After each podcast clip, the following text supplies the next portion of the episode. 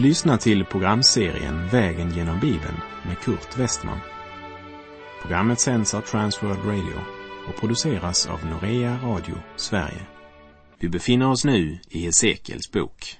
Slå gärna upp din bibel och följ med. Vi har kommit till kapitel 4 och 5 i Hesekiels bok. Hesekiel ska genom sina symboliska handlingar förkunna Guds dom över folket i Jerusalem.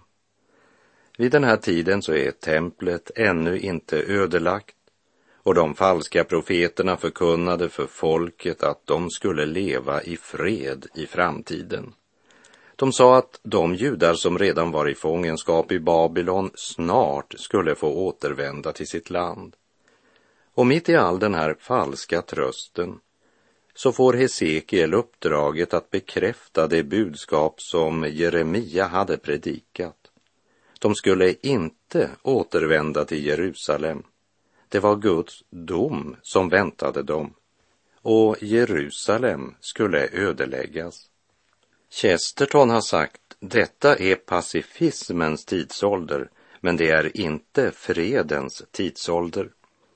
I Lukas 21.25 säger Jesus att på jorden ska folken gripas av ångest och stå rådlösa vid havets och bränningarnas dån. Ja, människan står rådlös. Efter andra världskriget skulle sammanslutningen Förenta Nationerna garantera världsfreden. Men det har aldrig varit så många krig som efter att FN blev upprättat. Människan står rådlös inför det brusande människohavet. I Första Thessalonikerbrevet 5, vers 3 skriver Paulus. När folk säger fred och trygghet, då drabbas de av undergång lika plötsligt som smärtan kommer över en kvinna som ska föda, och de slipper inte undan. Det finns ingen annan fredsförste än Herren Jesus Kristus. Och genom det Hesekiel nu ska demonstrera genom sina handlingar ska han för det folk som inte vill höra konkret visa att det är inte fred och frihet som väntar dem, utan en stor nöd där Jerusalem ska läggas i grus. Vi läser Hesekiel 4, vers 1. Du människobarn, ta en lertavla, lägg den framför dig och rista in en stad på den, nämligen Jerusalem.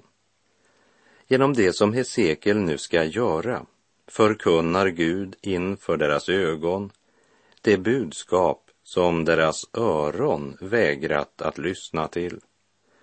De tyckte det var behagligare med den falska tröst som de falska profeterna ropade ut. Men folkets andliga villfarelse och moraliska förfall, det är så totalt att nu återstår endast Guds dom. Och det är denna fruktansvärda verklighet som präglar Hesekiels budskap. Och ord är inte nog. Nu ska Guds budskap föras fram genom talande handlingar som ska illustrera den framtid som väntar det folk som förkastat Gud. I den babyloniska kulturen så var ju lertavlan vid den här tiden det anteckningsblock man använde. Och från en av de assyriska kungarnas bibliotek så känner man idag till cirka 20 000 sådana tavlor. Hesekiel ska rita upp Jerusalem, den sanna religionens huvudstad. Fyllda av nyfikenhet utropar plötsligt någon av åskådarna. Men, men det är ju Jerusalem och folk strömmar till.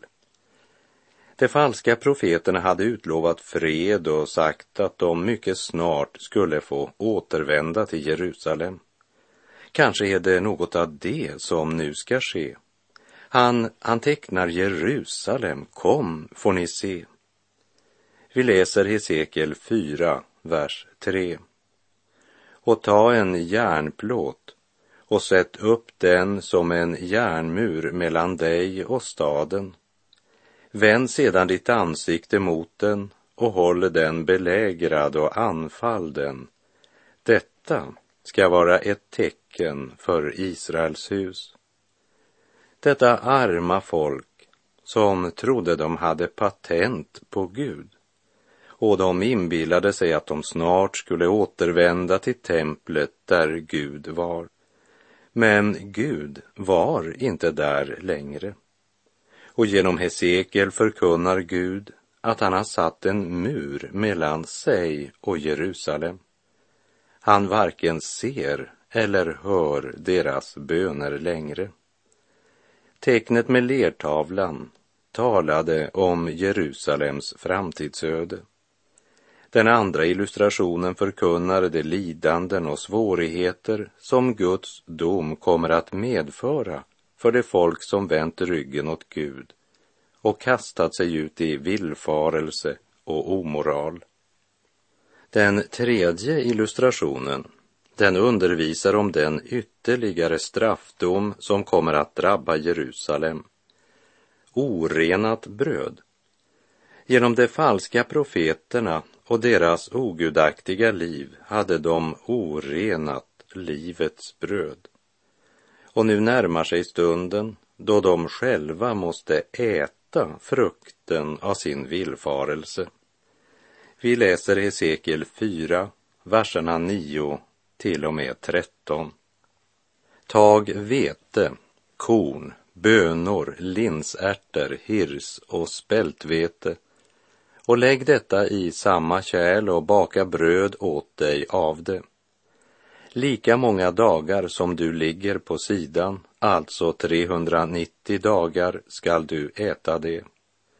Den mat som du får att äta ska vägas upp, 20 siklar för varje dag. Du ska äta den på bestämda tider och du skall dricka vatten som mäts upp, en sjättedels hin du ska dricka det på bestämda tider. Du ska äta kornkakor som du har bakat på bränsle av människoavföring inför deras ögon. Herren tillade, på samma sätt ska Israels barn äta sitt orena bröd bland hedningafolken dit jag ska driva bort dem. Den mängd mat och dryck som ska vara Hesekiels dagsranson handlar om både svält, kost och törst. Men det svåraste för Hesekiel, som aldrig tidigare ätit något orent, det var att använda torkad människoavföring som bränsle när brödet ska bakas.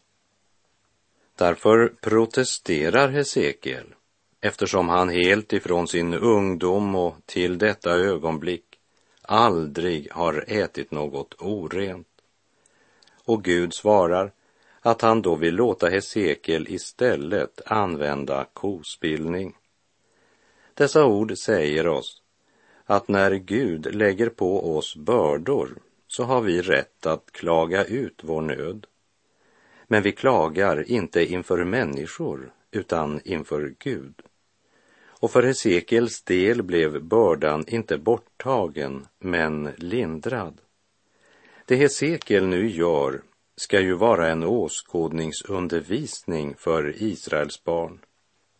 Att lägga vete, korn, bönor, linsärtor, hirs, spältvete och lägga detta i samma kärl och baka bröd av det, det var en vederstygglighet efter Mose lag.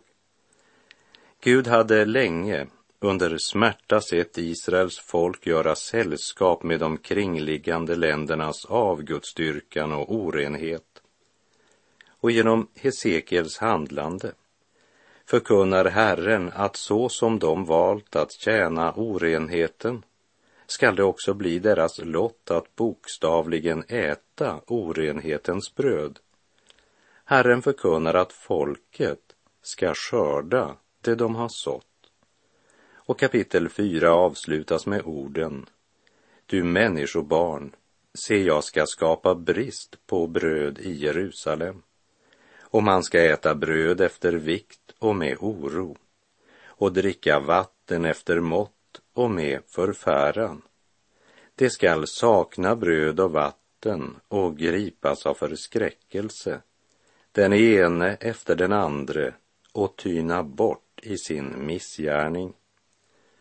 Snart skulle den falska trösten ramla ihop som ett korthus. De hade sått i sitt köttsåker och nu närmar sig tiden då de måste skörda den undergång som följer en sådan sådd. De ska snart skörda vad de har sått.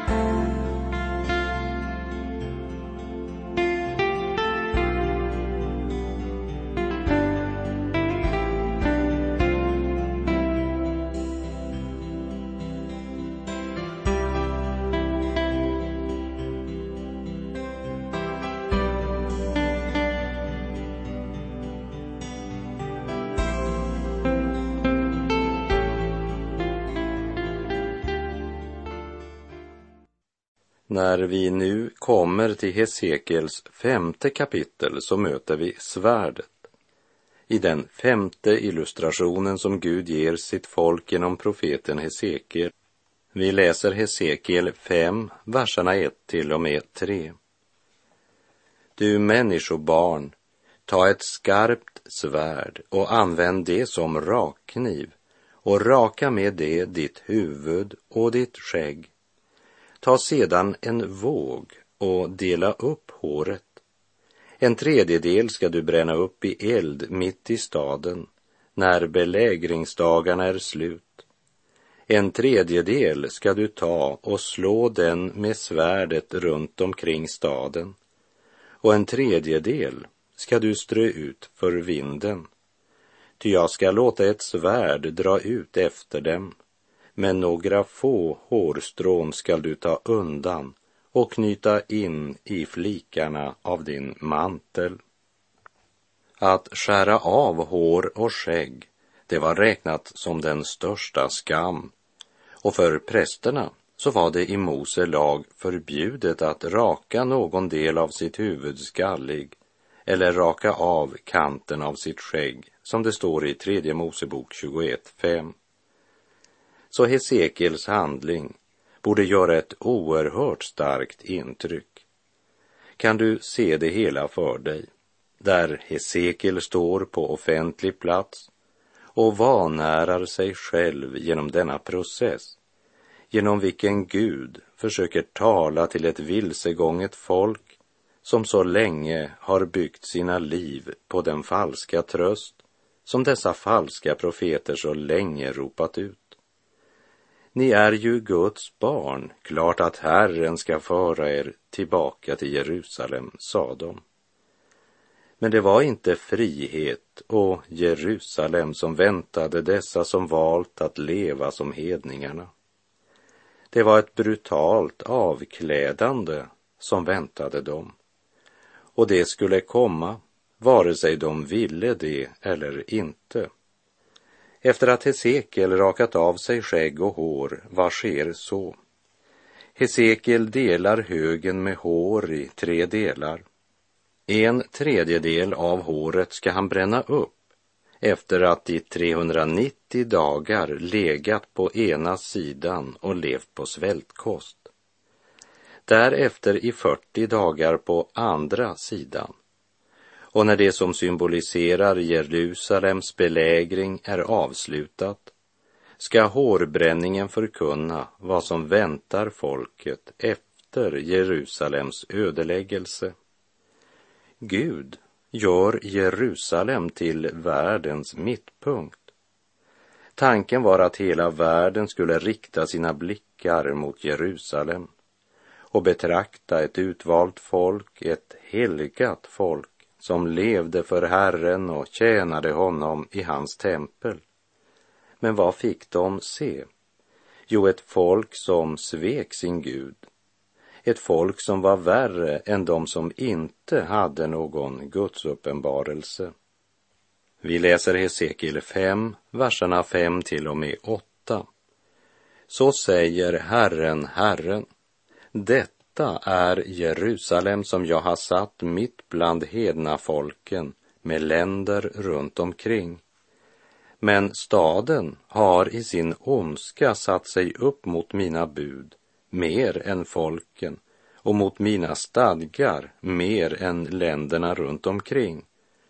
Ty de har förkastat mina bud och inte följt mina stadgar. Därför säger Herren, Herren så. Ni har varit värre än hedna folken runt omkring er och inte levt efter mina lagar och inte följt mina bud. Ni har inte ens följt lagarna hos det folk som bor runt omkring er. Därför säger Herren, Herren så. Se, ja, jag själv är emot dig. Jag skall utföra min dom mitt ibland er inför ögonen på folken. Om inte Guds utvalda vill leva sin kallelse värdigt så får Guds dom över synden bli det vittnesbörd hedningarna får se. De var israeliter, de hade barnaskapet och härligheten, förbunden och lagen, tempelgudstjänsten och löftena, som Paulus uttrycker det i Romarbrevet 9.4. De hade uppenbarelsen från Gud, de hade Guds heliga lag, men de levde värre än de hedniska nationer som inte hade någon uppenbarelse. De hade fått ljuset men förkastat det. Därför är deras ansvar så mycket större och Guds dom så tung och svår. När Jesus talar till fariseerna och de laglärda i Lukas 11 och Lukas 12 så säger han bland annat i Lukas 12, 47 och 48. Den tjänare som vet sin herres vilja men ingenting ställer i ordning och inte handlar efter hans vilja, han ska piskas med många rapp. Men den som inte känner till den och gör något som förtjänar spöstraff, han skall piskas med få rapp. Var och en som har fått mycket, av honom skall det krävas mycket. Och den som blivit betrodd med mycket, av honom skall det utkrävas så mycket mer. Och då ska vi komma ihåg att det är i det nya förbundet som det blir sagt. Och vi ska komma ihåg att det är Jesus själv som säger detta för det är en av orsakerna till att aposteln Paulus skriver följande förmaning till de troende i Efesus, i Efeserbrevet 4, vers 1. Jag uppmanar er därför, jag som är en fånge i Herren, att leva värdigt den kallelse ni har fått. Det hade Jerusalems invånare glömt på Hesekiels tid trots allt de hade fått att förvalta, valde man att leva ett ovärdigt liv i andlig villfarelse, moraliskt förfall, under det att man tröstar sig med falska profeters budskap. Det är högaktuella ord idag. Låt oss för ett ögonblick meditera över vad de stränga domsorden i Hesekiel 5 har att säga oss och låt oss ha Paulus förmaning i våra tankar. Han uppmanar oss att leva värdigt den kallelse vi har fått.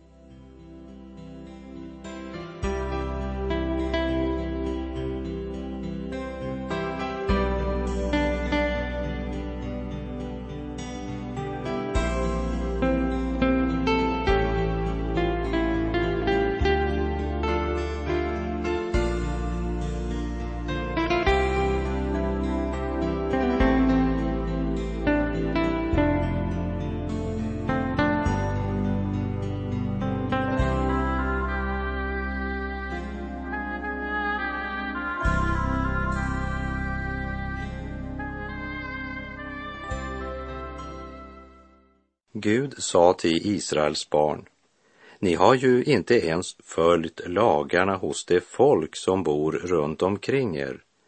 Därför säger Herren, Herren så. Se, ja, jag själv är emot dig. Jag skall utföra min dom mitt ibland er inför ögonen på folken. Bedra inte er själva, skrev Paulus till de troende i Galatien. Gud bedrar man inte.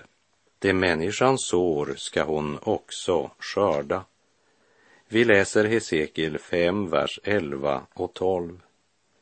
Så sant jag lever, säger Herren, Herren, därför att du har orenat min helgedom med alla dina vidrigheter och alla dina avgudar skall jag rensa bort dig. Jag ska inte visa skonsamhet eller medlidande.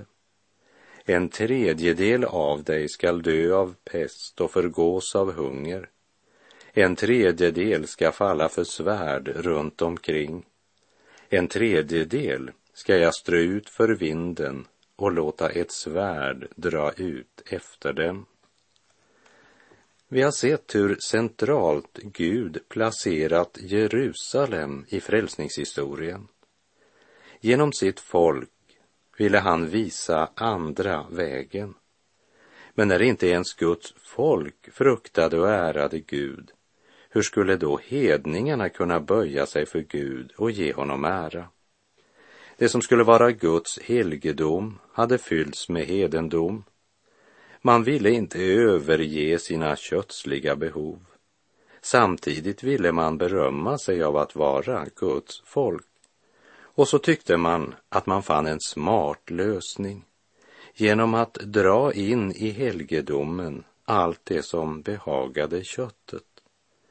Och de falska profeterna gav sitt bifall, och de var många. De var högröstade och frimodiga och de inledde alltid sina falska budskap med orden så säger Herren. Och det såg så imponerande ut ganska länge. Men nu är syndamåttet fullt.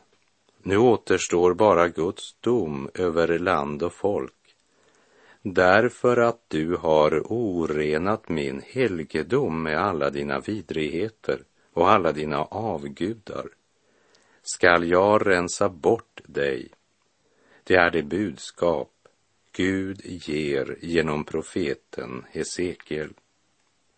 Och kapitel 5 avslutas med orden och jag ska sända över er hungersnöd och vilda djur som skall döda era barn. Pest och blodsutgjutelse skall drabba dig och svärd ska jag låta komma över dig. Jag, Herren har talat. Men Hesekiels varningsrop klingade för döva öron. Det var ingen som brydde sig om att lyssna till en man som var så dyster och negativ. Man skrattade åt Hesekiel, som man menade bara var en svartmålande pessimist, som inte hade förstånd att njuta livet så gott man kunde i fångenskapet medan man väntade på att få återvända till Jerusalem och friheten. Precis som när Lot skulle försöka varna sina mågar i Sodom då Herren hade låtit honom veta att han skulle fördärva staden på grund av deras många synder. Vi minns ifrån vår vandring genom Första Moseboks nittonde kapitel att då Lot försökte varna sina svärsöner och sa Bryt upp och lämna den här platsen för Herren tänker fördärva staden. Så står det i Första Mosebok 19, vers 14. Men hans svärsöner trodde att han skämtade. Den som lever mitt i syndens Sodom kan helt enkelt inte tro på ett så allvarligt budskap. Man kan inte längre förnimma denna vind ifrån evighetens värld. Man lever bara för ögonblicket, för njutning, tidsfördriv och personlig vinning. Lots mågar trodde att han skämtade.